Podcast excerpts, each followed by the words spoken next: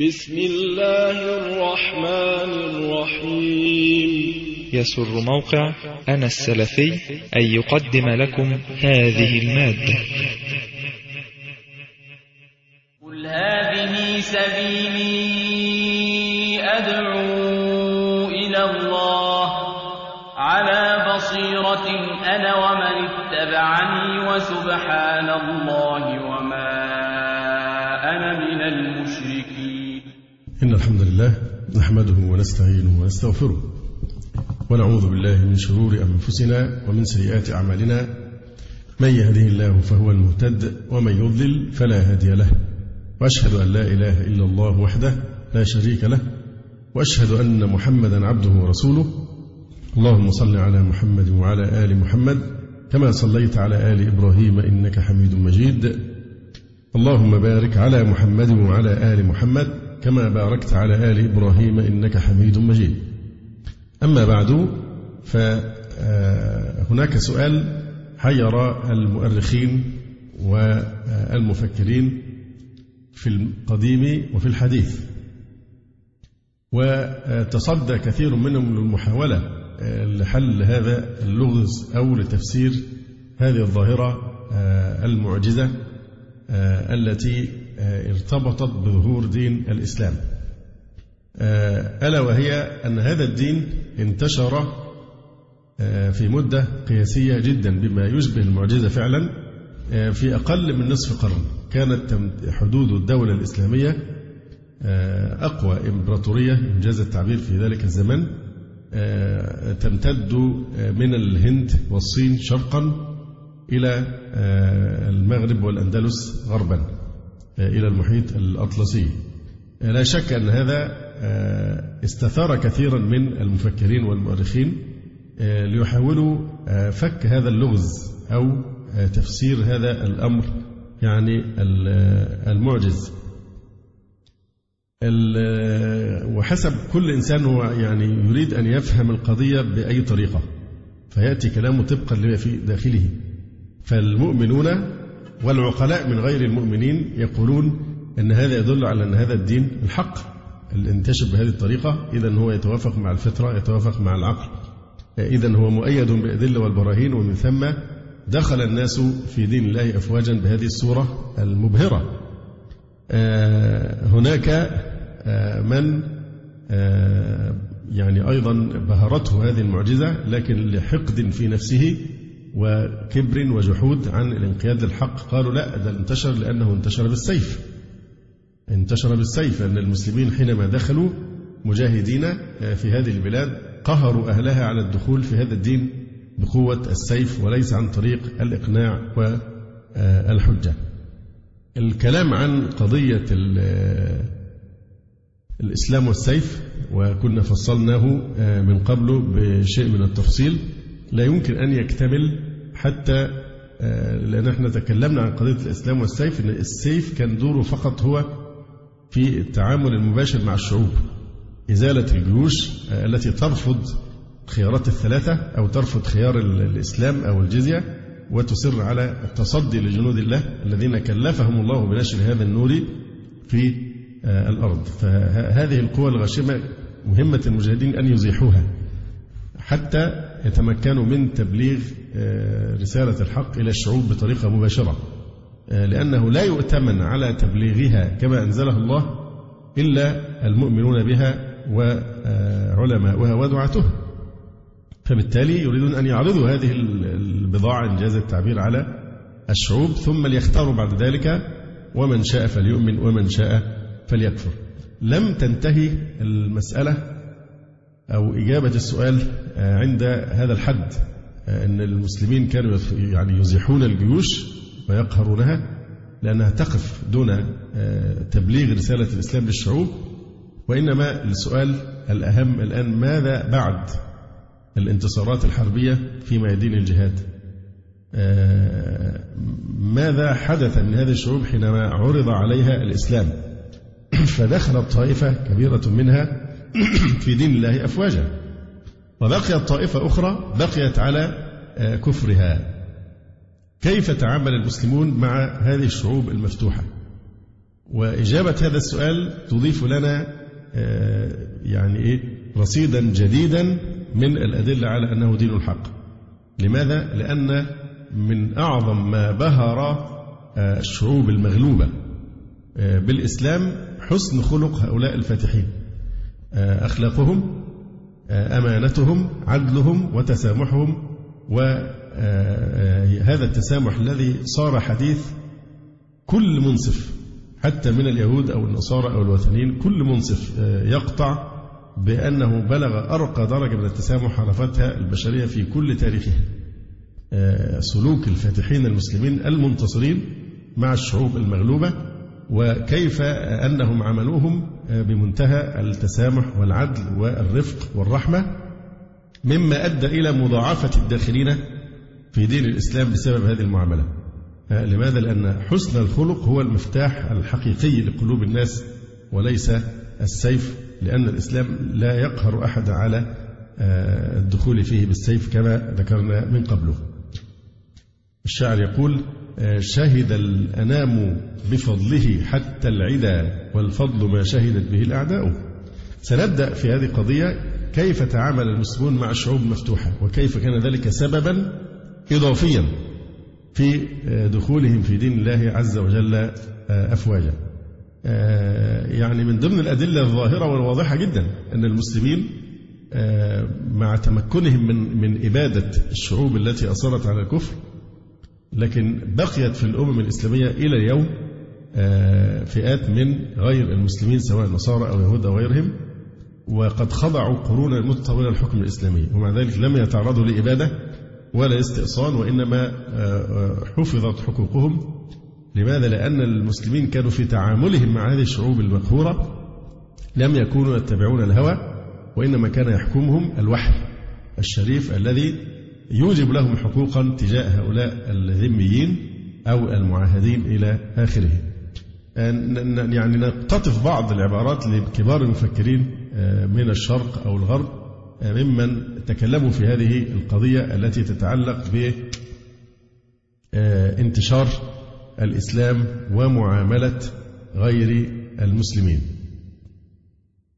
المؤرخ البريطاني الشهير توماس أرنولد له كتاب مشهور جدا الدعوة إلى الإسلام ألف في أواخر القرن التاسع عشر آه، والحقيقة هذا الرجل الإنسان يتعجب يعني آه، هل هذا معقول أنه لم يدخل في الإسلام لأنه يتكلم عن الإسلام بحماس عجيب جدا جدا كغيره أيضا ممن يحتار الإنسان كيف هؤلاء لم يعلنوا إسلامهم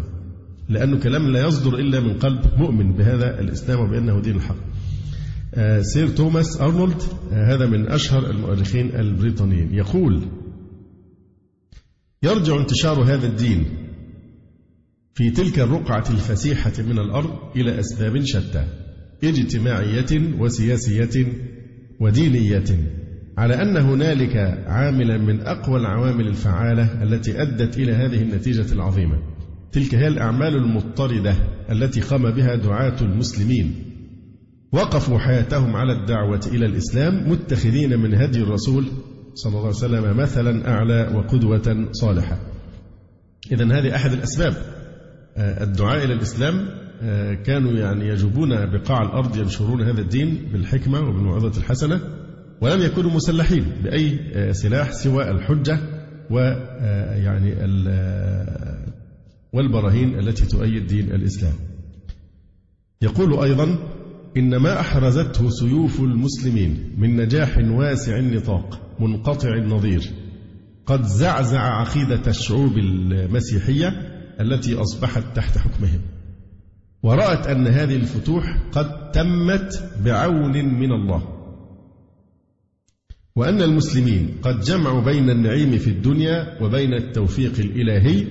وأن الله لم يجعل النصر إلا في أيدي عباده المختارين وهكذا ظهر نجاح المسلمين دليلا على صدق دينهم. يقول ايضا توماس ارنولد في نفس الكتاب: لم نسمع عن أية محاولة مدبرة لإرغام الطوائف من غير المسلمين على قبول الإسلام. يعني ما فيش خبر بمحاولة واحدة فقط لإرغام أحد على الدخول في الإسلام. ويعني آه، هذا شاهد من أهلها شاهد بريطاني نصراني يقول لم نسمع عن أية محاولة مدبرة لإرغام الطوائف من غير المسلمين على قبول الإسلام أو عن أي اضطهاد منظم قصد منه استئصال الدين المسيحي ولو اختار الخلفاء تنفيذ إحدى الخطتين لاكتسحوا المسيحية بتلك السهولة التي أقصى بها آه، فرديناند وإيزابيلا دين الإسلام من أسبانيا أو التي جعل بها لويس الرابع عشر المذهب البروتستانتي مذهبا يعاقب عليه متبعوه في فرنسا أو بتلك السهولة التي ظل بها اليهود مبعدين عن إنكلترا مدة خمسين وثلاثمائة سنة وكانت الكنائس الشرقية في آسيا قد انعزلت انعزالا تاما عن سائر العالم المسيحي الذي لم يوجد في جميع أنحائه أحد يقف إلى جانبهم باعتبارهم طوائف خارجة عن الدين. ولهذا فإن مجرد بقاء هذه الكنائس حتى الآن لا يحمل في طياته الدليل القوي على ما قامت عليه سياسة الحكومات الإسلامية بوجه عام من تسامح نحوهم.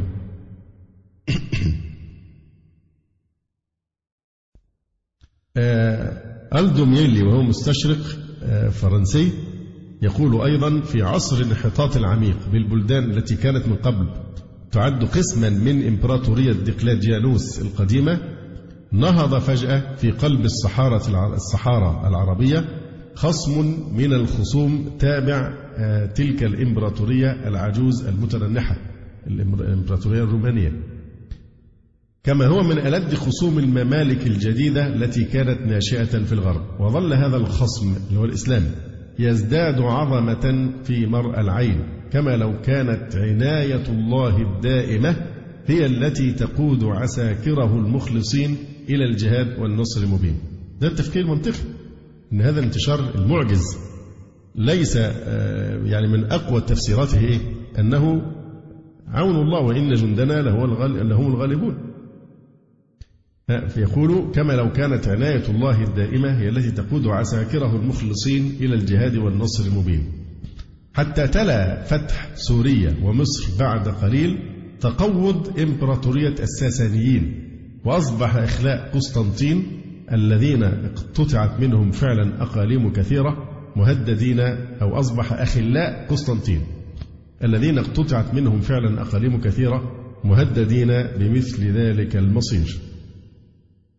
يقول أيضا الدوميلي الفرنسي آه، إن السكان الساميين في سوريا ومصر الذين قاسوا كل صنوف الضغط والهول على الأخص بسبب الضرائب من قبل الحكومات الأجنبية التابعة للدولة البيزنطية أو المملكة الساسانية لم يستطيعوا أن يروا أن يروا في العرب إلا محررين مخلصين كما أن المسيحيين القائلين بوحدة الطبيعة طبيعة المسيح المزعومة يعني في الشرق استطاعوا أن يعتمدوا على التسامح الإسلامي بعد أن كانوا يخشون الاضطهاد من قبل نصارى القسطنطينية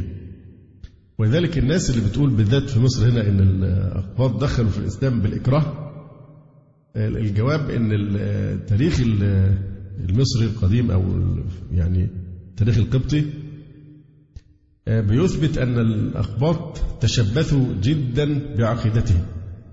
في عصر الذي سمي عصر الإيه؟ الشهداء في عصر الاضطهاد الروماني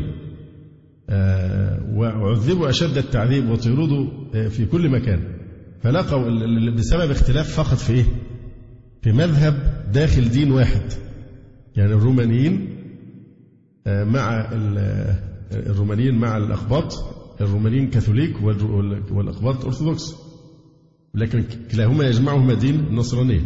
لكن مع ذلك صمد الأقباط كما هو معروف في تاريخهم فيما سموه عصر الشهداء قتل منهم الكثيرون مع التعذيب والقهر والاضطهاد الذي آه، تقشعره من هوله يعني النفوس فإذا كانوا صمدوا أمام غزو آه، وقهر ممن يوافقهم في الدين لكن يخالفهم في المذهب فكيف يدخلون في الإسلام خوفا من السيف يعني اللي صمد هذا الصمود لا يمكن أن يحول دينه إلا عن إيه؟ عن اقتناع وعن عقيدة واضح؟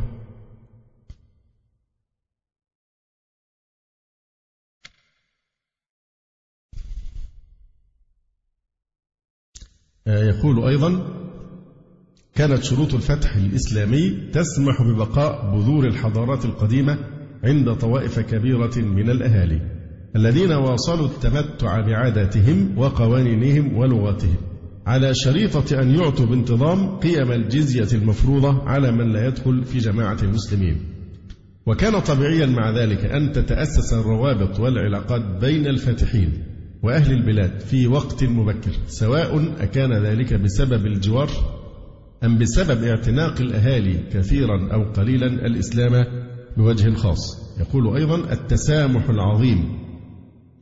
الذي تحلى به الخلفاء الأمويون وملوك الطوائف لم يمتد لواؤه على ما حكموه من شعوب أو على المسلمين القادمين من إفريقيا والمشرق فحسب بل انبسط ظله أيضا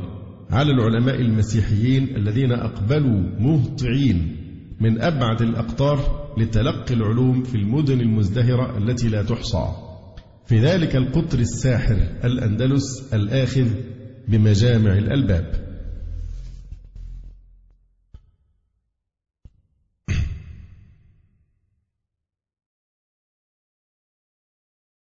أيضا آه، أندرسون آه، أندرسون آه، وهو مستشرق بريطاني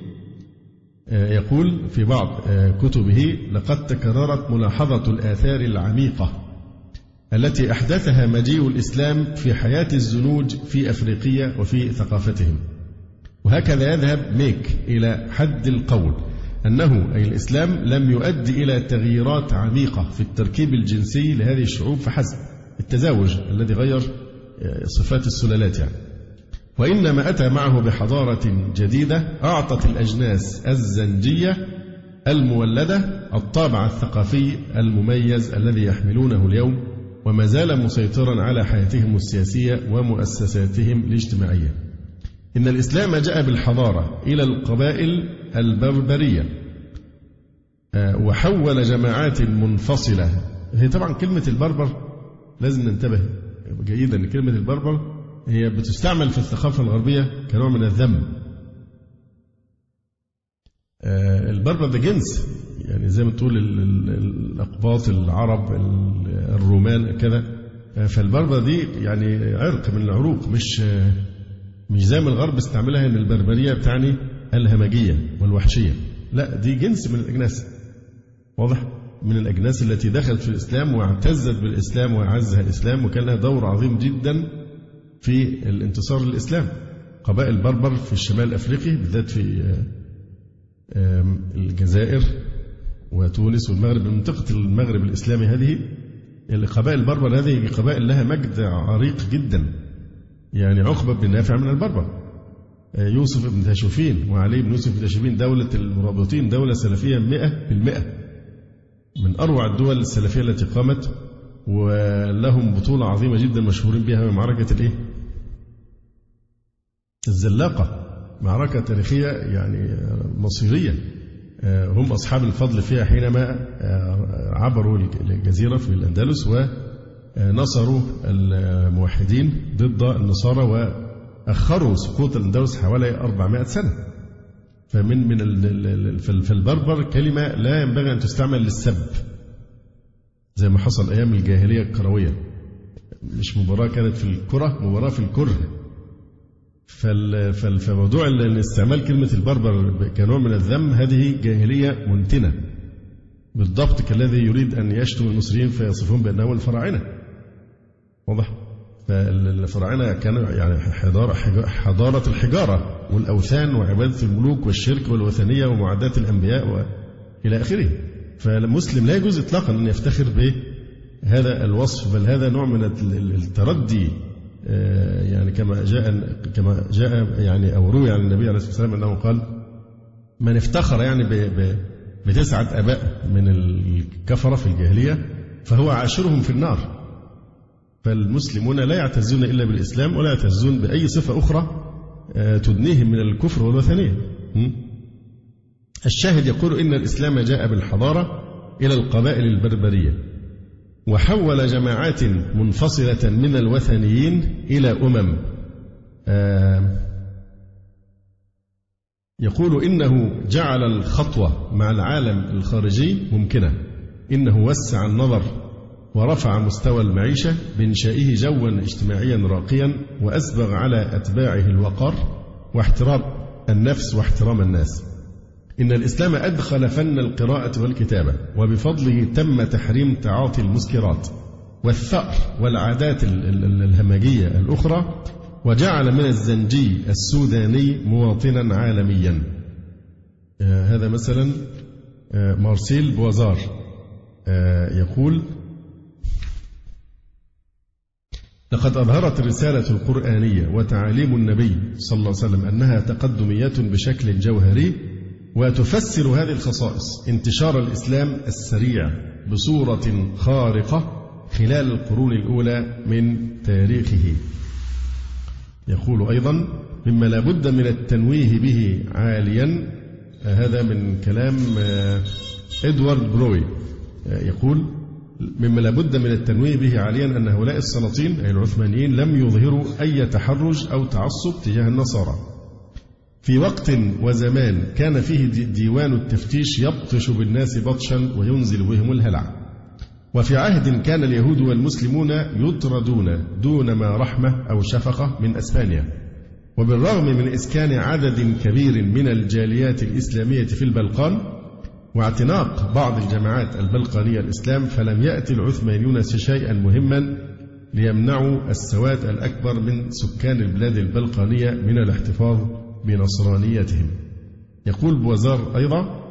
منذ بدء الفتح العربي الإسلامي كان المحاربون المسلمون قد فرضوا على أنفسهم روحا من التسامح مع غير المسلمين ومع الشعوب المغلوبة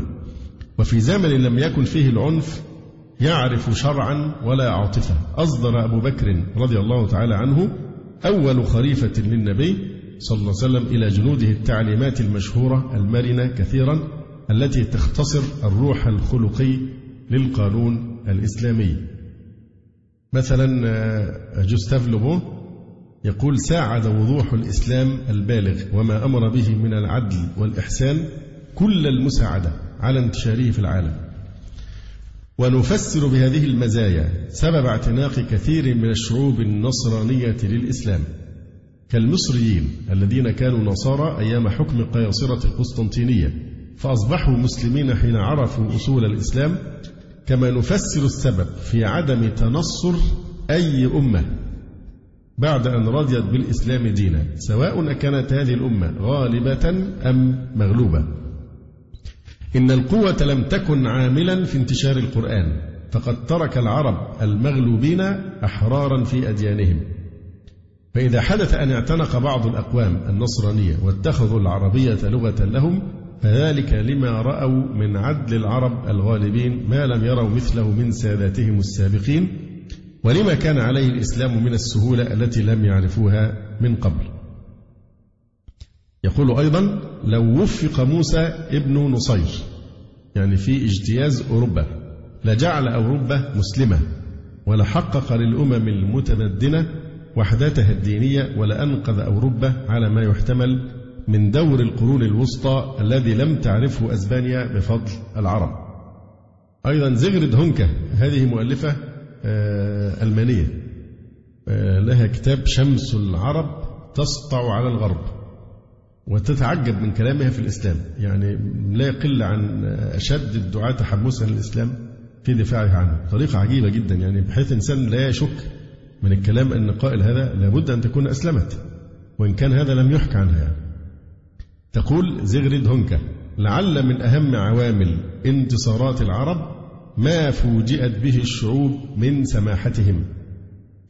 فما يدعيه بعضهم من اتهامهم بالتعصب والوحشية إن هو إلا مجرد أسطورة من نسج الخيال تكذبها آلاف من الأدلة القاطعة على تسامحهم وإنسانيتهم في معاملتهم مع الشعوب المغلوبة. والتاريخ لا يقدم لنا في صفحاته الطوال إلا عددا ضئيلا من الشعوب التي عاملت خصومها والمخالفين لها في العقيدة بمثل ما فعل العرب. وكان لمسلكهم هذا أطيب الأثر مما أتاح للحضارة العربية أن تتغلغل بين تلك الشعوب بنجاح لم تحظى به الحضارة الإغريقية ببريقها الزائف ولا الحضارة الرومانية بعنفها في فرض إرادتها بالقوة وتقول أيضا زغرد هنكة لا إكراه في الدين هذا ما أمر به القرآن الكريم وبناء على ذلك فإن العرب لم يفرضوا على الشعوب المغلوبة الدخول في الإسلام فالمسيحيون والزرادشتيون واليهود الذين لاقوا قبل الإسلام أبشع أمثلة للتعصب الديني وأفظعها سمح لهم جميعا دون أي عائق يمنعهم بممارسة شعائر دينهم وترك لهم المسلمون بيوت عبادتهم وأديرتهم وكهنتهم وأحبارهم دون أن يمسوهم بأدنى أذى أوليس هذا منتهى التسامح أين روى التاريخ مثل تلك الأعمال ومتى ومن ذا الذي لم يتنفس الصعداء بعد الاضطهاد البيزنطي الصارخ وبعد فظائع الأسبان واضطهادات اليهود إن السادة والحكام المسلمين الجدد لم يزجوا بأنفسهم في شؤون تلك الشعوب الداخلية فبطريرك بيت المقدس يكتب في القرن التاسع الميلادي لأخيه بطريرك القسطنطينية عن العرب يقول إنهم يمتازون بالعدل ولا يظلموننا البتة وهم لا يستخدمون معنا أي عنف تقول أيضا آه، زغرد هنكة إن الإنسانية والتسامح العربي هما اللذان دفعا الشعوب ذات الديانة المختلفة إلى أن تعيش في انسجام مدهش وأن تبدأ نموها وتوسعها وازدهارها ولأول مرة آه، بتحرر أصحاب المذاهب المسيحية من اضطهاد كنيسة الدولة فتنتشر مذاهبهم بيسر واستطاع العربي بإيمانه العميق أن يكون أبلغ سفير وداعية لديانته لا بالتبشير وإيفاد البعثات وإنما بخلقه الكريم وسلوكه الحميد فكسب بذلك لدينه عددا وفيرا لم تكن أية دعاية مهما بلغ شأنها لتستطيع أن تكسب مثله تقول أيضا أوليس من العجيب أن نتساءل لماذا نفسر كما يحلو لنا والعرب المسلمون قد فتحوا فعلا جزءا من أوروبا هو الأندلس فلم يقضوا على المسيحية التي يزعمون أن شارل مارتن قد حماها ولم يقضوا على المدنية الغربية التي لم يكن لها وجود أما مونتجومري وات فيقول ولا لا يعني التأكيد على إخضاع مشرك الجزيرة للإسلام أن الإسلام قد انتشر بحد السيف حقا إن القبائل الوثنية في جزيرة العرب كان عليها أن تختار الإسلام آه، أو السيف إلا أن تعامل المسلمين كان مختلفا تجاه اليهود والمسيحيين والزرادشتيين وغيرهم ممن اعتبرت دياناتهم شقيقة للإسلام يعني إن آه، هو باعتبارهم أهل كتاب يعني رغم الدعوة القائلة بأن الأتباع المعاصرين لتلك الديانات قد ابتعدوا عن جوهرها آه، يقول آه، لذلك فإن غرض الجهاد لم يكن يهدف إلى تحويل أولئك السكان نحو الإسلام بقدر ما كان يهدف إلى اعترافهم بالحكم الإسلامي آه، وبمنزلة أناس يحميهم الإسلام إلى آخره على الأحوال هذه بعض الإشارات والفصل طويل جدا في كتاب قالوا عن الإسلام للدكتور عماد الدين آه، خليل آه، في هذا الموضوع فنجتزئ بهذا ثم آه، ندلف إلى ذكر صور من تسامح المسلمين مع أهل يعني يعني ذمة للدكتور سلامة محمد الهرفي البلوي يقول لقد جرى العرف الإسلامي على تسمية المواطنين من غير المسلمين في المجتمع الإسلامي باسم أهل الذمة آه، الذمة هي الأمان والعهد والضمان والكفالة آه، عند جمهور الفقهاء أهل الذمة هم اليهود والنصارى والمجوس والصابئة والسامرية يقول آه، سموا أهل الذمة لأن لهم عهد الله وعهد رسوله وعهد جماعة المسلمين أن يعيشوا في حماية الإسلام وفي كنف المجتمع الإسلامي آمنين مطمئنين أحرارا في ممارسة عباداتهم متمتعين بحقوقهم. وقد جاءت التوجيهات القرآنية واضحة في الحض على هذا التسامح. حين طالبت المسلمين بتجسيد هذا الخلق الكريم في المعاملة في الواقع آه، المعيش. يقول الله تعالى: وقولوا للناس حسنا وأقيموا الصلاة وآتوا الزكاة. قولوا للناس حتى لو كانوا إيه كفارا لذلك نجد في كتب العقيدة آه، أو الآداب فصلا مستقلا في الأدب مع الكافر حتى الكافر هناك أداب ينبغي أن تلتزم آه، معه يقول إنها دعوة كريمة للتلطف بالقول والمجاملة في الخطاب والعفو والصفح ويقول الله تعالى ادفع بالتي هي أحسن فإذا الذي بينك وبينه عداوة كأنه ولي حميم طبعا هذا كله إشارة إلى حسن الخلق وكما ذكرنا من قبل حسن الخلق مطلوب حتى مع الكافر بعض الناس تتصور الحسن أن حسن الخلق مع الكافر هذا تنازل أو ضعف في الدين إطلاقا ومن الأدلة على ذلك طبعا هذه الآية الكريمة وقولوا للناس حسنا وحينما آه، أرسل الله سبحانه وتعالى آه، رسولين موسى وهارون عليهما السلام وما خير الناس في تلك الأمة إلى شر الناس في ذلك الزمان وهو فرعون الذي قال أنا ربكم الأعلى وفعل وفعل من الكفريات المعروفة لكنه قال إيه فقول له قولا لينا لعله يتذكر أو يخشى أه، فقال هل لك إلى أن تزكى منتهى التلطف ما لهش هل لك أن يعني تعالى أزكيك لكن هل لك إلى أن تزكى فنسب التزكية إلى نفسي هو الذي يتزكى هل لك إلى أن تزكى وأهديك إلى ربك فتخشى آه ذهبت التوجيهات القرآنية في معاملة المسلمين لغيرهم إلى أبعد مما تقدم عندما أمرت ببرهم ما داموا مسالمين مخلصين للدولة الإسلامية التي يتفيئون في ظلالها يقول تعالى لا ينهاكم الله عن الذين لم يقاتلوكم في الدين ولم يخرجوكم من دياركم أن تبروهم وتقسطوا إليهم إن الله يحب المقسطين هذه الآية فيها إشارة إلى أمر مهم جدا وهو أن الحياة أخذ وعطاء فموضوع التسامح مع غير المسلمين في المجتمع الإسلامي آه، هو مش عطاء بس لا ده زي العملة لها إيه وجهان فمن وجه هناك حقوق لكن من وجه آخر فيه التزامات وواجبات آه، إن أخلوا بها تتغير هذه المعاملة طبعا لكن الأصل إن هي إيه آه، في حقوق من جهة وفي التزامات من الجهة الأخرى فذلك هنا لا ينهاكم الله عن الذين لم يقاتلوكم في الدين ولم يخرجوكم من دياركم أن تبروهم وتقسطوا إليهم إن الله يحب المقسطين بلغت رقة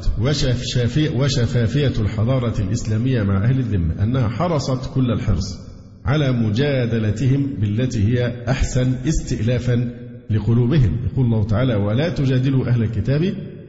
إلا بالتي هي أحسن إلا الذين ظلموا منهم وقولوا آمنا بالذي أنزل إلينا وأنزل إليكم وإلهنا وإلهكم واحد ونحن له مسلمون وحتى لا يشعر أهل الذمة بالعزلة ومن أجل دمجهم في المجتمع الإسلامي نجد القرآن الكريم يفتح الباب على مصراعيه من أجل التعايش بين الأديان السماوية والتعبير طبعا الأديان السماوية نقول الشرائع السماوية آه، الثلاثة عندما أباح للمسلم أن تكون شريكة حياته وأم أولاده يهودية أو نصرانية يعني ماذا يعني الموضوع يعني الزواج ما بيبقاش واحد بيتزوج واحدة دي عيلة بتتزوج عيلة بيحصل نسب يعني بمعنى يعني هذا النوع من الارتباط بيوجد علاقات ووشائج متشعبة لأن معنى أنه يتزوج نصرانية أو يهودية إيه؟ زوجته هتكون أم اولادي تكون على هذه الملة أخوال وخالات وجد وجدة هؤلاء الأطفال أيضا سيكونون من أهل الكتاب يعني في نوع من الوشائج المتشعبة في داخل المجتمع آه، آه، يعني بين الطائفتين يقول وأن يكون أخوال وخالات وأجداد في الذات كبده من غير المسلمين فضلا عما يترتب على هذا الزواج من علاقات اجتماعية واقتصادية وأخلاقية معقدة يقول الله تعالى وطعام الذين أوتوا الكتاب حل لكم وطعامكم حل لهم والمحصنات من المؤمنات والمحصنات من الذين أوتوا الكتاب من قبلكم إذا آتيتموهن أجورهن محصنين غير مسافحين ولا متخذي أخدان إلى غير ذلك من التوجيهات القرآنية والنبوية كما قلت من قبل هناك بعض الأحكام حينما آه، نراها الآن آه، ممكن آه، لو ما كانش اللي قالها بقى علماء كبار ابن القيم والقرافي والصحابة والتابعين بعقلية الناس في هذا الزمان هيقولوا ده مش ملتزمين الناس دول دول مفرطين في الولاء والبراء من شدة التسامح الإسلامي والحقوق لكن هي قضية الخلل اللي عندنا دلوقتي بسبب أوضاعنا الآن الغريبة اللي حصل فيها خلل في أمور كثيرة آه، كما يحصل أحيانا من مثلا نوع من الاستقواء بالغرب ضد يعني بلادهم فبعضهم بيكون زي الفيروسات اللي بتفضل ساكتة كده لحد ما تلاقي إيه كاملة داخل الجسم أول ما الأمة تضعف تنشط وتبدأ تزدهر وتستغل حالة الضعف فيمكن هي الاحتقانات التي تحصل بين وقت وآخر التي تجعلنا حساسين تجاه الكلام على موضوع التسامح لكن نحن مطالبون في كل حال ده جزء من أبواب الفقه الإسلامي هذه أبواب ألفت فيها مصنفات مستقلة كتاب الإمام ابن القيم الجوزية آه، أحكام أهل الذمة هناك كتب كثيرة جدا تتناول آه، تفاصيل هذه يعني آه، الأحكام ف يعني عملية أن الفقهاء أفردوا في كل كتب الفقه بابا لأهل الذمة وأحكامهم آه، التي تنبض تسامحا وعفوا ورعاية لهذه الشريحة التي آه، تعيش في كنف الحضارة الإسلامية آه، فعملية قبل أن نستمر في مطالعة مظاهر هذا التسامح من خلال الكتاب والسنة والسلوك العملي التطبيق العملي في كنف الدولة الإسلامية آه، يعني نركز أيضا على أن نعم هذه حقوق لكن في الوضع الإسلامي المتكامل كانت الحقوق قابلها إيه؟ واجبات مش الموضوع عطاء آه، أخذ أخذ أخذ حقوق خلاص لا في طبعا أخذ وإيه؟ وعطاء كما هي سنة الحياة في كل شيء آه، فموضوع بقى احنا المبدأ بتاع لطمك على خدك الأيمن والأيسر والكلام ده كله يعني نحن لا ليس لدينا هذا المبدأ وهم أيضا لديهم هذا المبدأ كشعار فقط لا غير أما في الواقع فلم يطبق في يوم من الأيام من نصر من خدك الأيمن حول له إيه الأيسر إلى آه، آخره فهم أنفسهم لم يطبقوه يوما من الأيام فالموضوع التسامح يعبر عن عملة ذات وجهين الحقوق من جهة وهذا ما نتكلم عنه والالتزامات من جهة أخرى بصورة آه، ليس فيها ما آه، يشوش على هذا النوع من يعني التعايش فحينما نتلو هذه الصورة ما نفصلهاش عن الواقع في داخل الدولة الإسلامية الوضع متكامل لكن نحن محتاجون أيضا آه، لمطالعة هذا الباب آه، المهم آه، فبعض الإخوة بيتصور دايما أن موضوع التسامح تأيه ضعف في الدين اتعودنا على الكلام على موضوع التسامح بطريقة مسرحية يجيبوا الشيخ ويحتضن القسيس والقلب بقى شايل كتير ودي مش علاج حقيقي العلاج الحقيقي أن المسلمين الأمور تتوازن بنفس الوضع الإسلامي وفي نفس الوقت أن في هذه الحالة وده العلاج الحقيقي الوحيد وهو أن المسلم في هذه الحالة ما دامهم يحترمون العهود ولا يطعنون الأمة في ظهرها ولا يعتدون على المسلمين سيصبح كل مسلم حارسا على حقوقهم بيتعبد هنا بقى تصبح إيه عبادة آه، حتى في غيبة القوانين والأمن وكذا المسلم نفسه هو يكون إيه حارسا لأن هذه هؤلاء أهل عهد وأهل ذمة الله وذمة رسوله والعدوان عليهم جريمة من أكبر يعني آه، الجرائم فأيضا قبل أن نستمر في الكلام لما الناس بتتكلم يعني في مشاكل احنا بنعالجها مش بطريقة علمية فعشان كده مش بتنتهي فال بعض الشيوخ بيندمجوا قوي في, في, في الكلام على موضوع التسامح بصورة آه، بيلبسوا الحق بالباطل ويتكلموا على حرية الاعتقاد بطريقة توهم إن فعلا الإسلام أباح حرية الاعتقاد بمعنى حرية الكفر آه، هنا في لبس جامد خطير جدا بيحصل إن التسامح زي ما قلنا أكثر من مرة إيه الدائرة آه، التي يقع فيها التسامح والتعصب دائرة المعاملة التعامل فقط أما دائرة الاعتقاد فلا علاقة لها بالإيه؟ لا لها علاقة بمبدأ وضعي حتى كل أمم الأرض تهتلك وهو الإيه؟ حرية الاعتقاد. فالتسامح أو التعصب بيحكم عليه من خلال المعاملة. فتعطي النصراني أو اليهودي حقه فأنت إذا متسامح. آه، إذا اعتديت على حقه أو بخسته أو كلفته فوق طاقته فأنت متعصب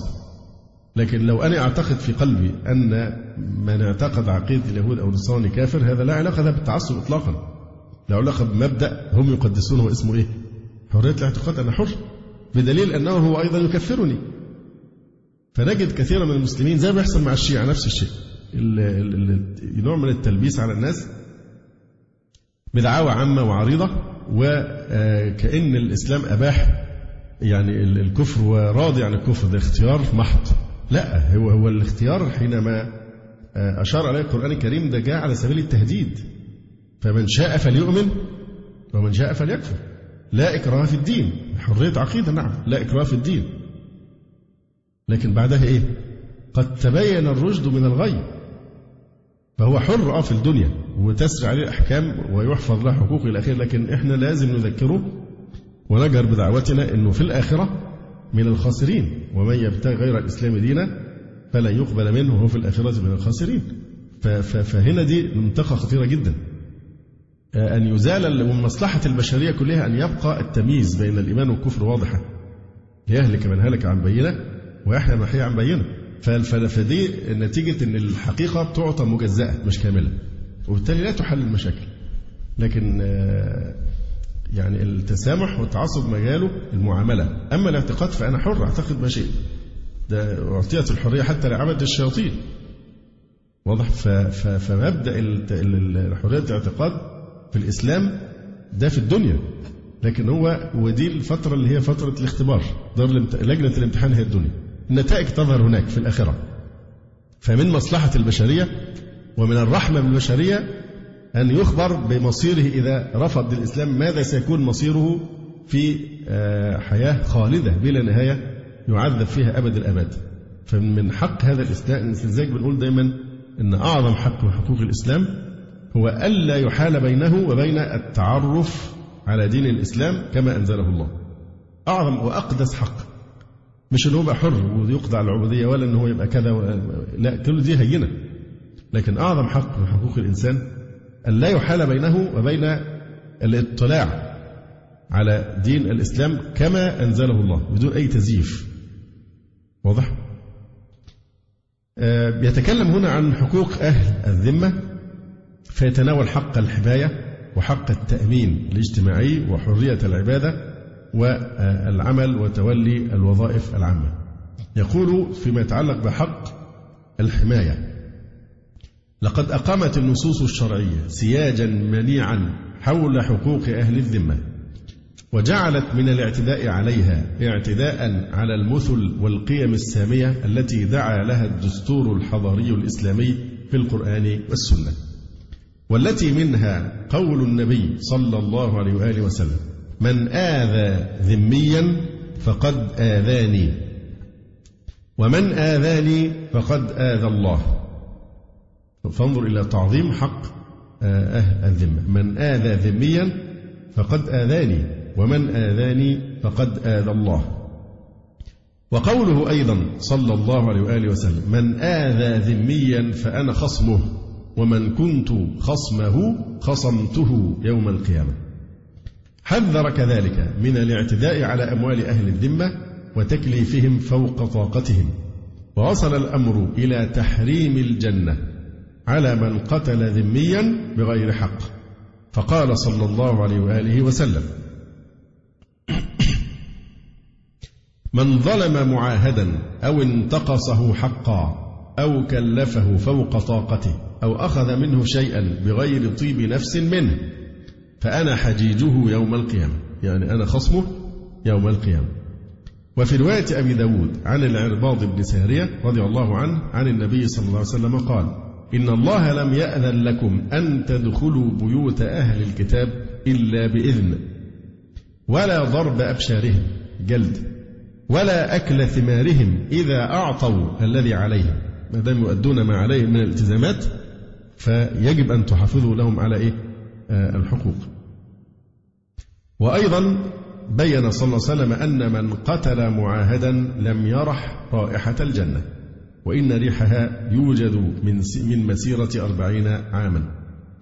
وصرح بعض الفقهاء كما في الدر المختار وحاشية ابن عابدين عليه بأن ظلم الذمي أشد من ظلم المسلم إثما لأنه أضعف شوكة وظلم القوي للضعيف أعظم في الأثر وبلغ من رعاية الحضارة الإسلامية لحرمة أموالهم أنه يحترم ما يعدونه حسب دينهم مالا وإن لم يكن مالا في نظر المسلمين فالخمر والخنزير مثلا لا يعتبران عند المسلمين مالا متقوما ومن أتلف لمسلم خمرا أو خمرا أو خنزيرا فلا غرامة عليه ولا تأديب لماذا؟ لأنه غير متقوم في يد المسلم لا حرمة له لأن المسلم لا يجوز له أن يمتلك هذين الشيئين لا لنفسه ولا ليبيعهما لغيره أما الخمر والخنزير إذا ملكهما غير المسلم فهما مالان عنده في شريعته وفي دينه هما مال متقوم فمن أتلفهما للذمي غرم أو غرم قيمتهما آه، يكلف بأنه إيه آه، يعني يبذل له قيمة ما أتلفه ولم تكتفي التشريعات الإسلامية بحماية أرواح وممتلكات أهل الذمة حتى لو كانت هذه الممتلكات محرمة على المسلمين بل تعدى الأمر إلى عدم جواز جرح مشاعرهم ولو بكلمة لأنهم في ذمة الله وذمة رسوله صلى الله عليه وسلم ودين الإسلام فمن اعتدى عليهم فقد ضيع هذه الذمة يقول الإمام القرافي رحمه الله تعالى في كتابه الفروق إن عقد الذمة يوجب لهم حقوقا علينا لأنهم في جوارنا وفي خفارتنا يعني حمايتنا وذمتنا وذمة الله تعالى وذمة رسوله صلى الله عليه وسلم ودين الإسلام فمن اعتدى عليهم ولو بكلمة سوء أو غيبة فقد ضيع ذمة الله وذمة رسوله وذمة دين الإسلام انتهى كلام القرافي رحمه الله وقد نص الفقهاء على أن من حق حماية أهل الذمة إذا تعرض الحربيون آه، لبلادنا وقصدوهم في جوارنا أن نموت في الدفاع عنهم يعني إذا حصل عدوان خارجي من من بلاد محاربة فمن واجبنا المسلمين أن يدافعوا عنهم ولو ببذل الإيه؟ الدماء والأرواح يقول الإمام القرافي رحمه الله تعالى مبينا حقوق أهل الذمة على المسلمين إنه من واجب المسلمين للذميين الرفق بضعفائهم وسد خلة فقرائهم وإطعام جائعهم وإلباس عاريهم ومخاطبتهم بلين القول واحتمال أذى الجار منهم مع القدرة على الدفع حرمة الجوار وإخلاص النصح لهم في جميع أمورهم انتهى كلام القرافي رحمه الله لقد أصلت الحضارة الإسلامية مبادئ الحرية والمساواة وجعلتهما ركنين للحقوق الإنسانية لأن هذين الركنين يربط بينهما قاسم مشترك هو الكرامة الإنسانية هذه الكرامة التي جعلها القرآن الكريم حقا آه، لجميع الناس حين قال تعالى ولقد كرمنا بني آدم وحملناه في البر والبحر إلى آخر الآية ولا تكتمل هذه الكرامة إلا بصيانة الحريات الشخصية أو التملك أو النفس أو المال إلى آخره يقول الله تعالى يا أيها الناس إنا خلقناكم من ذكر وأنثى وجعلناكم شعوبا وقبائل لتعارفوا إن أكرمكم عند الله أتقاكم إن الله عليم خبير وقال تعالى يا أيها الناس اتقوا ربكم الذي خلقكم من نفس واحدة وخلق منها زوجها وبث منهما رجالا كثيرا ونساء وجاء في خطبة الوداع قول النبي صلى الله عليه وسلم ليس لعربي على أعجمي ولا أبيض على أسود فضل إلا بالتقوى وقال أيضا ليس منا من دعا إلى عصبية وليس منا من قاتل على عصبية وليس منا من مات على عصبية أكد القرآن الكريم أيضا على مكانة هذه النفس البشرية حينما قال تعالى من أجل ذلك كتبنا على بني إسرائيل أنه من قتل نفسا بغير نفس أو فساد في الأرض فكأنما قتل الناس جميعا ومن أحياها فكأنما أحيا الناس جميعا. وانطلاقا من هذه التشريعات الحضارية السامية التي لا تعرف المحاباة ولا الظلم، نجد أن الدولة الإسلامية حرصت على معاملة أهل الذمة كما تعامل المسلمين سواء في تقديم الخدمات أو في إنزال العقوبات. وفي حالة أن أصدرت الدولة قرارا ضد أهل الذمة فيه مخالفة لعدالة الإسلام كان الفقهاء يسارعون في توجيه أنظار الدولة لهذا الخرق الذي ارتكب فقد احتج الإمام الأوزاعي رحمه الله على سبيل المثال على قرار للدولة العباسية بترحيل طائفة من أهل الذمة من جبل لبنان بسبب خروج فريق منهم على عامل الخراج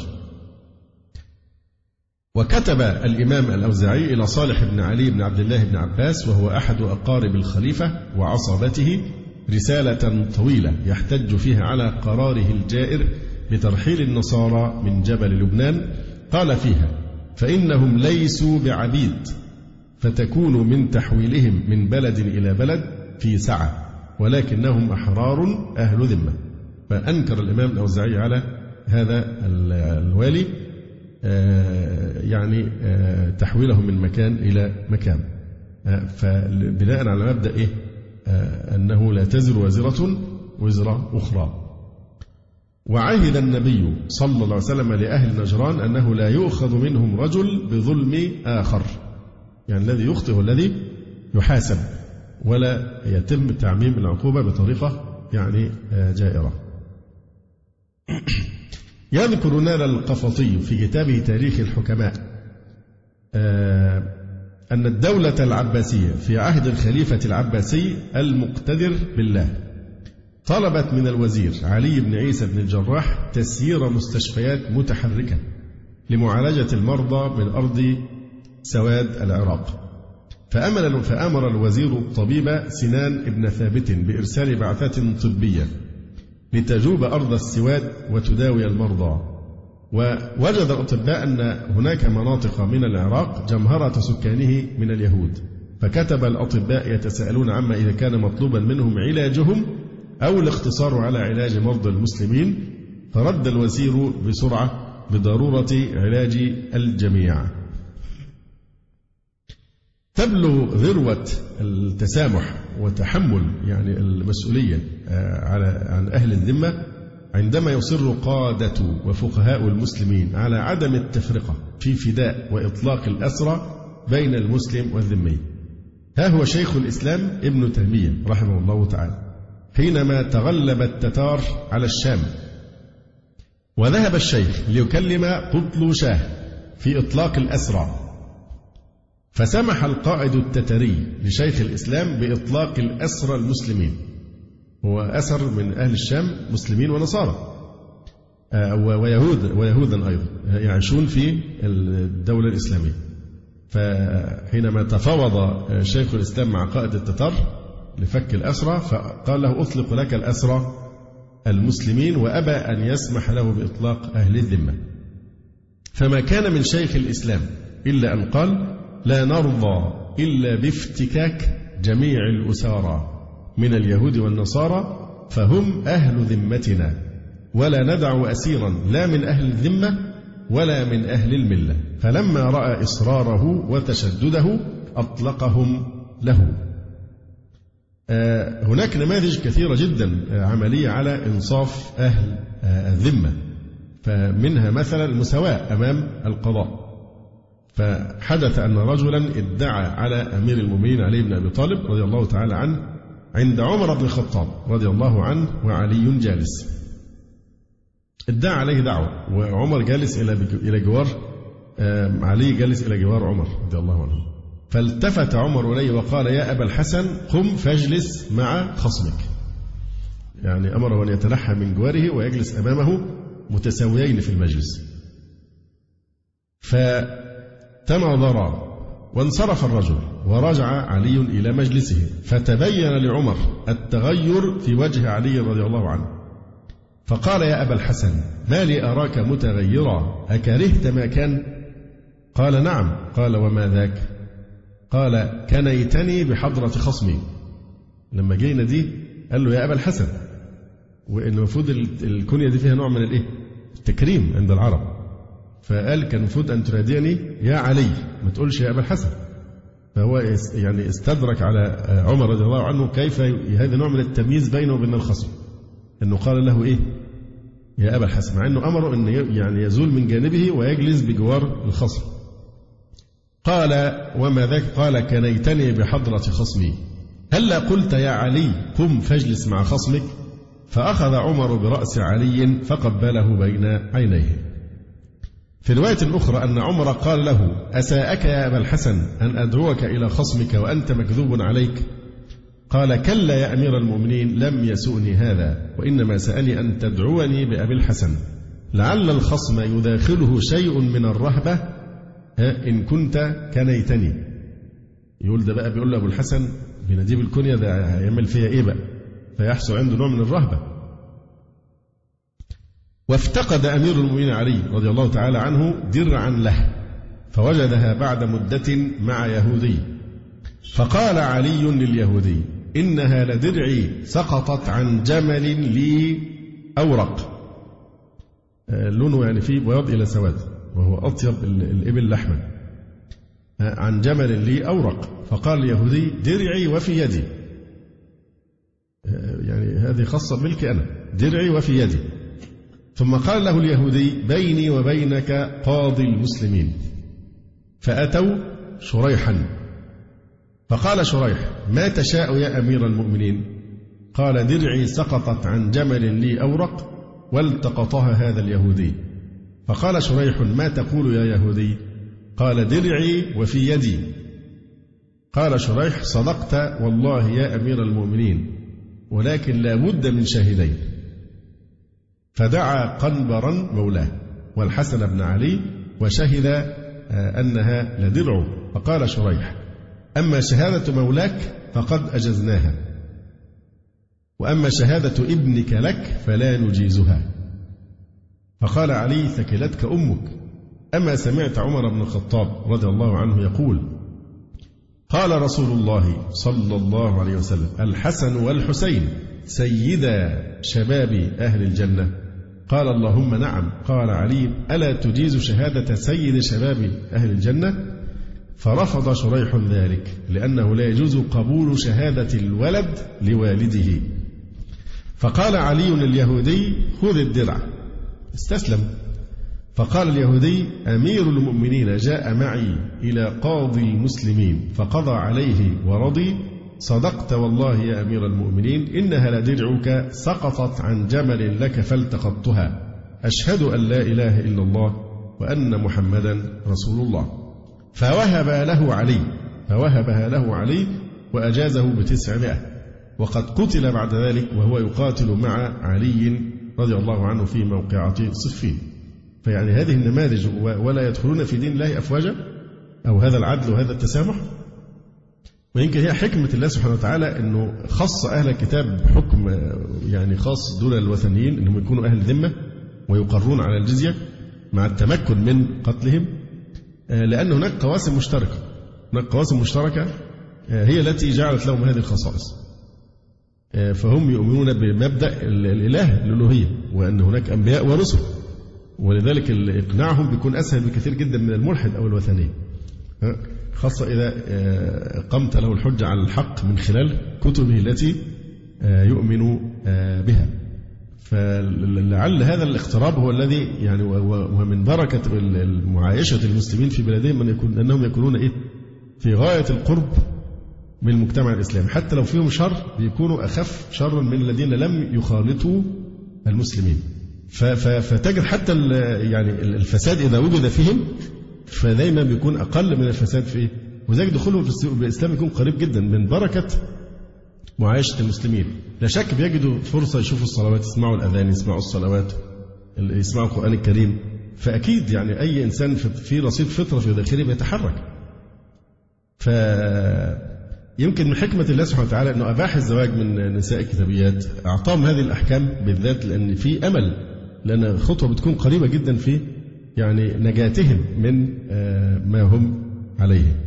وقع أخرى يقول حرص حكام الدولة الإسلامية على حماية ممتلكات أهل الذمة حتى لو كانت محرمة على المسلمين فيذكر أن يذكر أن أمير المؤمنين علي رضي الله عنه غرم أحد المسلمين ثمن خنزير قتله لأحد النصارى وقال علي رضي الله عنه إنما أعطيناهم الذمة على أن يتركوا يستحلون في دينهم ما كانوا يستحلون من قبل. علق صاحب الروض النظير على آه هذا الحكم قائلا: أما كونهم أعطوا الذمة على أكل الخنزير بمعنى أنهم يتركون ولا يعترضون. فدليله أن بلالا قال لعمر بن الخطاب رضي الله عنه: إن عمالك يأخذون الخمر والخنازير يعني في الجزية فقال عمر لا تأخذوها منهم ولكن لو هم باعوها فخذوا أنتم من الثمن وهذا يدل على أنهم يتركون يستحلون في دينهم ما كانوا يستحلون من قبل وروى البيهقي بسنده عن حبيب عن حبيب بن أبي ثابت قال أخبرني دهقان السيلحين قال كان لسعيد بن مالك إلى جنبي ضيعة وكان رجلا حديدا فأتيته فقلت له أعد أعدني على نفسك يعني عايز أخد حقي منك مكني من من هذا أعدلي على نفسك فأمر بي فوجئت في عنقي ضرب أو أهين يعني فقلت لأرحلن إلى عمر بن الخطاب رضي الله عنه قال فخرجت حتى قدمت المدينة فسألت عن عمر رضي الله عنه فدللت عليه فلما أتيت منزله دخلت فإذا عمر جالس على عباءة فرفع رأسه إلي وقال كأنك لست من أهل الملة فقلت أنا رجل من أهل الذمة قال فما حاجتك قلت لسعيد بن مالك ضيعة إلى جانبي وإني أتيته أستعديه على نفسي على نفسه فأمر بي فوجئت في عنقي فقلت لأرحلن إلى عمر فقال عمر لمولاه يرفع ائتني بالدواء والمكتب فأتاه بجراب فأدخل يده وأخرج صحيفة فكتب فيها ثم أخرج سيرا يشدها به الورقة بتتربط بشيء فلم يقدر عليه مش لاقي خيط يربط به الرسالة فتناول خيطا من العباءة التي تحته وقد انتشرت جوانبها فشدها به العباءة آه، قديمة جدا ومتفككة فراح واخد خيط من العباءة وربط به الرسالة فأردت ألا آخذها ثم تناولتها متثاقلا فكأنه عرف ما في نفسي فقال أته يعني كأنه قال أنا هتعمل إيه الرسالة دي معايا فقال أته فإن كفاك وإلا فأقم واكتب إلي ارسل لي خطاب لو ما إيه ما التزمش باللي أنا كاتبه له قال فخرجت حتى قدمت على أهلي فقالوا ما صنعت قلت أتيت رجلا لم يقدر على سير يشد به صحيفته حتى تناول خيطا من عباءة كانت تحته قد تفرزت وتنشرت فشدها به قال وما عليك من ذلك إن نفذ أمره قال فأتيت سعيدا فناولته الكتاب فلما قرأه ارتعدت فرائصه حتى سقط الكتاب من يده وقال ويلك ما صنعت اذهب فالأرض لك فقلت لا أقبلها فقال لا والله لا آخذها أبدا قال وكان نسخة الكتاب بسم الله الرحمن الرحيم من عبد الله عمر أمير المؤمنين إلى سعيد بن مالك سلام عليك أما بعد فإن مهرزاد دهقان السيلحيين أو السيلحين ذكر أن له ضيعة إلى جانبك وأنه أتاك يستعديك على نفسك فأمرت به فوجئت عنقه فإذا جاءك كتابي هذا فأرضه من حقه وإلا أقبل إلي راحلا والسلام وفي أثناء ولاية عمرو بن العاص رضي الله تعالى عنه لمصر في خلافة عمر بن الخطاب رضي الله عنه حدث أن ضرب ابن لعمرو بن العاص أحد أقباط مصر لأنه سبقه بفرسه فاشتكى المصري لعمر بن الخطاب طبعا قال له اخذ إيه، وأنا ابن الأكرمين فاشتكى المصري لعمر بن الخطاب رضي الله عنه الذي طلب بدوره من عمر وولده أن يحضرا إلى المدينة النبوية وعند حضورهما طلب عمر بن الخطاب من المصري أن يقتص من ابن عمرو بن العاص فضربه آه، يعني بمثل ما آه، ضرب ثم قال له اجعلها على صلعة عمرو فوالله ما ضربك إلا بفضل سلطانه يعني ما كان له أن يفعل هذا إلا لأنه يحتمي في جاه والده والي مصر فقال يا أمير المؤمنين لقد ضربت من ضربني فقال أما والله لو ضربته ما حلنا بينك وبينه حتى تكون أنت الذي تدعه ثم قال عمر قولته المشهورة والتي ذهبت مثلا سائرا تردده الأجيال متى استعبدتم الناس وقد ولدتهم أمهاتهم أحرارا ثم التفت إلى المصري وقال انصرف راشدا فإن رابك ريب فاكتب لي آه، عندما رأى أهل الذمة عدالة أمير المؤمنين عمر بن عبد العزيز رضي الله رحمه الله تعالى أخذوا يتوافدون على دمشق يرفعون ظلامتهم إليه للبت فيها آه، واللي حصل في عهد عمر بن عبد العزيز رحمه الله تعالى طفرة غير عادية كان المعدل مجيء الناس يرفعون الشكاوى إليه ارتفع جدا آه، بصورة لم آه، تحصل من قبل في أي آه، في عهد أي خليفة أموي لا قبله ولا بعده وكان أهل سمرقند من أوائل من تحركوا لرفع مظالمهم إلى عمر فقد ذهب أهل سمرقند لواليهم سليمان ابن أبي السري فقالوا إن قتيبة إن قتيبة بن مسلم غدر بنا وظلمنا وأخذ بلادنا وقد أظهر الله العدل والإنصاف فأذن لنا فليفد فليفد منا وفد إلى أمير المؤمنين يشكون ظلامتنا فإن كان لنا حق أعطيناه فإن بنا إلى ذلك حاجة فأذن لهم فوجهوا منهم قوما فقدموا على عمر فكتب لهم عمر إلى سليمان بن السري إن أهل سمرقند قد شكوا إلي ظلما أصابهم وتحاملا من قتيبة عليهم حتى أخرجهم من أرضهم فإذا أتاك كتابي هذا فأجلس لهم القاضي فلينظر في أمرهم فإن قضى لهم شوف الدقة والتحري يعني لازم حد يكون إيه دي خصومة فلازم يستمع من الطرفين يعني فإن قضى لهم فأخرجهم إلى معسكرهم كما كانوا وكنتم قبل أن يظهر عليهم قتيبة يبقى المسلمين يتركوا البلد خالص بعد ما فتحوها يتركوها يخرجوا القاضي حكم ان هم فعلا آه، غدر بهم او ظلموا فيخرج المسلمون بجيشهم خارج المدينه ويبقون هم في داخلها كما كان الامر من ايه؟ من قبله. فاخرجهم الى معسكرهم كما كانوا وكنتم قبل ان يظهر عليهم ان يغلبهم قتيبه. فأجلس لهم الوالي سليمان القاضي جميع بن حاضر فقضى أن يخرج عرب سمرقند إلى معسكرهم قضى أن يجلوا عن البلد ويخرجوا آه، وينابذونهم على سواء يعلنوا لهم أننا سوف إيه نقاتلكم ما يكونش في غدر فيكون صلحا جديدا أو ظفر عنوة فقال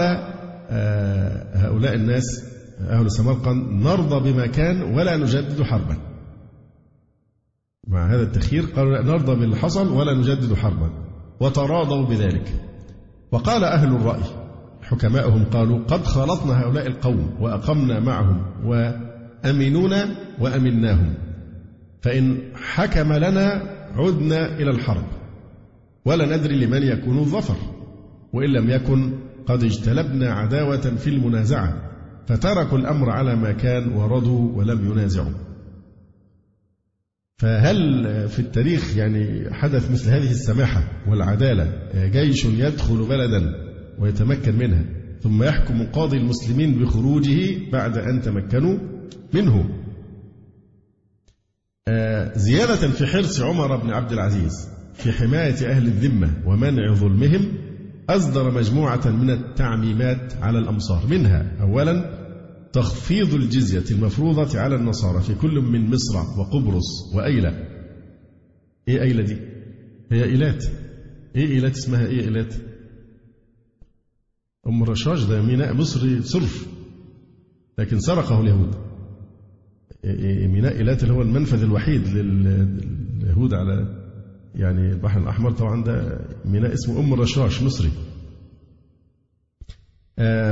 تخفيض الجزة المفروضة على النصارى في كل من مصر وقبرص وأيلة ونجران وكان لا يأخذ من أهل أيلة أكثر من ثلاثمائة دينار وهو المبلغ الذي صالح النبي صلى الله عليه وسلم صاحب أيلة عليه وهو في تبوك أمر عامله في الكوفة زيد بن عبد الرحمن بالكف عن إرهاقهم فكف وكتب إلى عامله على الخراج عقبة بن زرعة الطائي استوعب الخراج واحرزه في غير ظلم أوصى بني أمية بعدم مضايقة أهل الذمة فعندما أراد أمراء بني أمية أن ينساحوا في الأمصار أخذ عليهم ألا يفسدوا على أهل الذمة وألا ينالوا من أحد من الرعية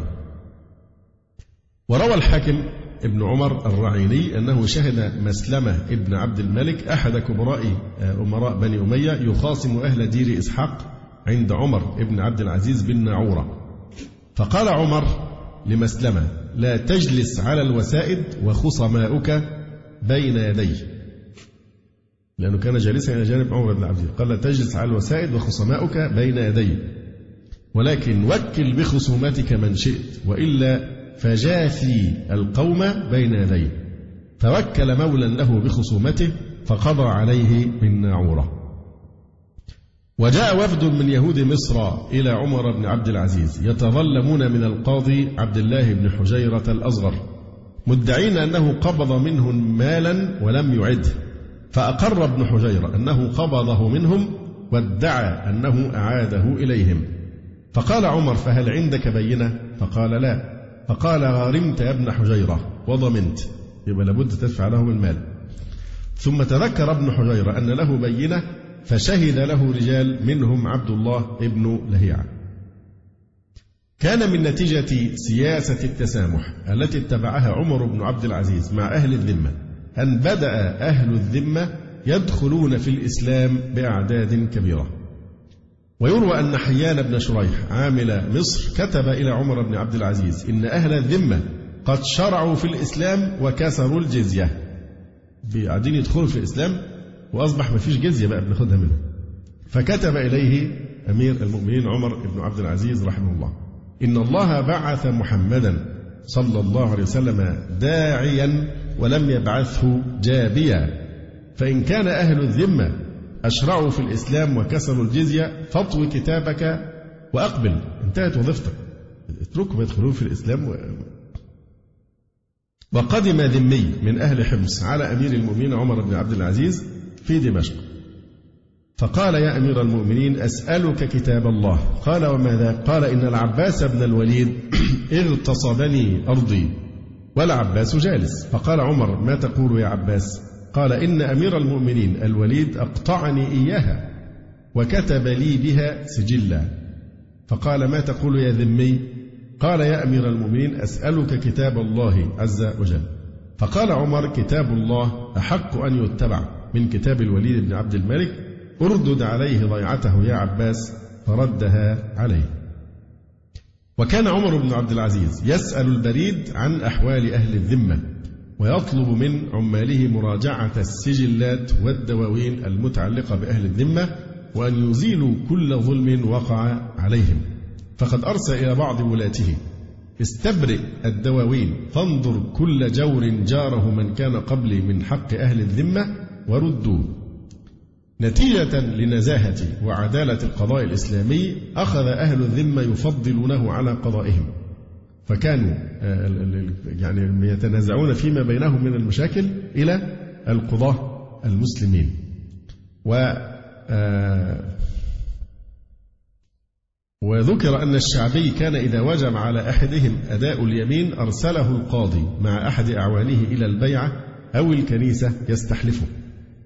لقد فضل أهل الذمة الرجوع إلى قضاة الدولة الإسلامية دون زعمائهم الروحيين لأن معاملة القضاة المسلمين لهم كانت أكثر نزاهة وأفضل من القانون المفروض عليهم في المحاكم الكنسية.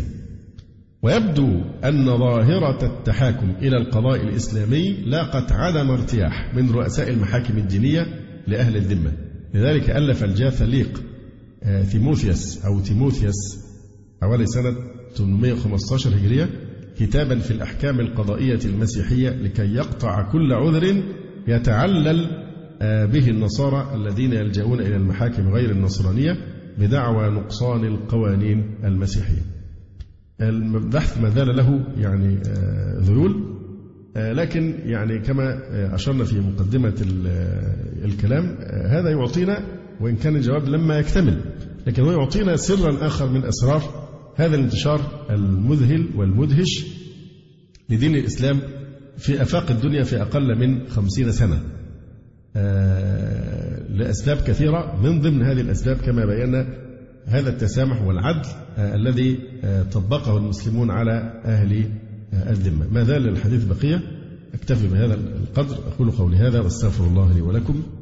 سبحانك اللهم ربنا وبحمدك أشهد أن لا إله إلا أنت أستغفرك وأتوب إليك